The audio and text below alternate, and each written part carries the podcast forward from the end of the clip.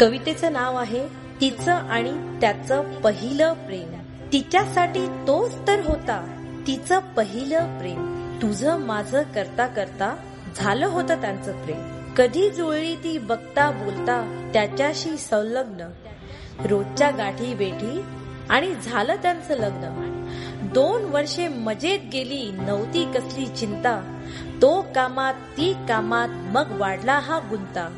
ना त्याला फुरसत ना तिला होती वेळ. जबाबदारींच्या ओझ्यात निघून गेला मेळ. मग एक दिवस दोघांच्या आलं मनात किती लांब आहेत ते राहून एकाच घरात. घरच्या गोंधळातही आलं होतं एकटेपण. दोघांच्याही मनात एक विषण्ण रीतेपण प्रेम गेले कोपऱ्यात त्याला आला संशय. तिच्याही प्रेमाचा मग संपला सगळाच आशय. रोजची धुसफूस आदळ आणि आपण रोजची तिची चिडचिड आणि कटकट. दोघांनाही काय हवं?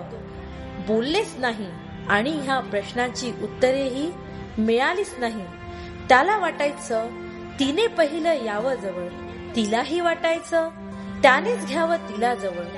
असं हे पहिलं प्रेम दूर दूर होत गेलं.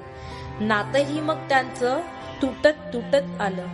त्याने तर सरळ तिलाच ठरवलं जबाबदार. तीही बोलली मग सोडून जाईन घरदार.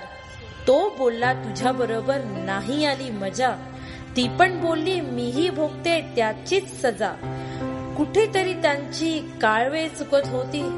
दोघही गुणी होते हो भेट होत नव्हती.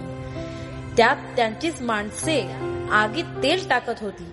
लग्नाची गाठ आता घटस्फोटापर्यंत येत होती. दोघांचीही झोप उडाली काढला त्यांनीच मार्ग.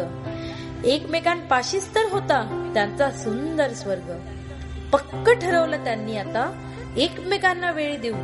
तिसऱ्या माणसाला आपल्यापासून लांब ठेवू कारण दोघच तर होते एकमेकांचं पहिलं प्रेम. आजही करतात एकमेकांवर तेच पहिलं प्रेम. धन्यवाद.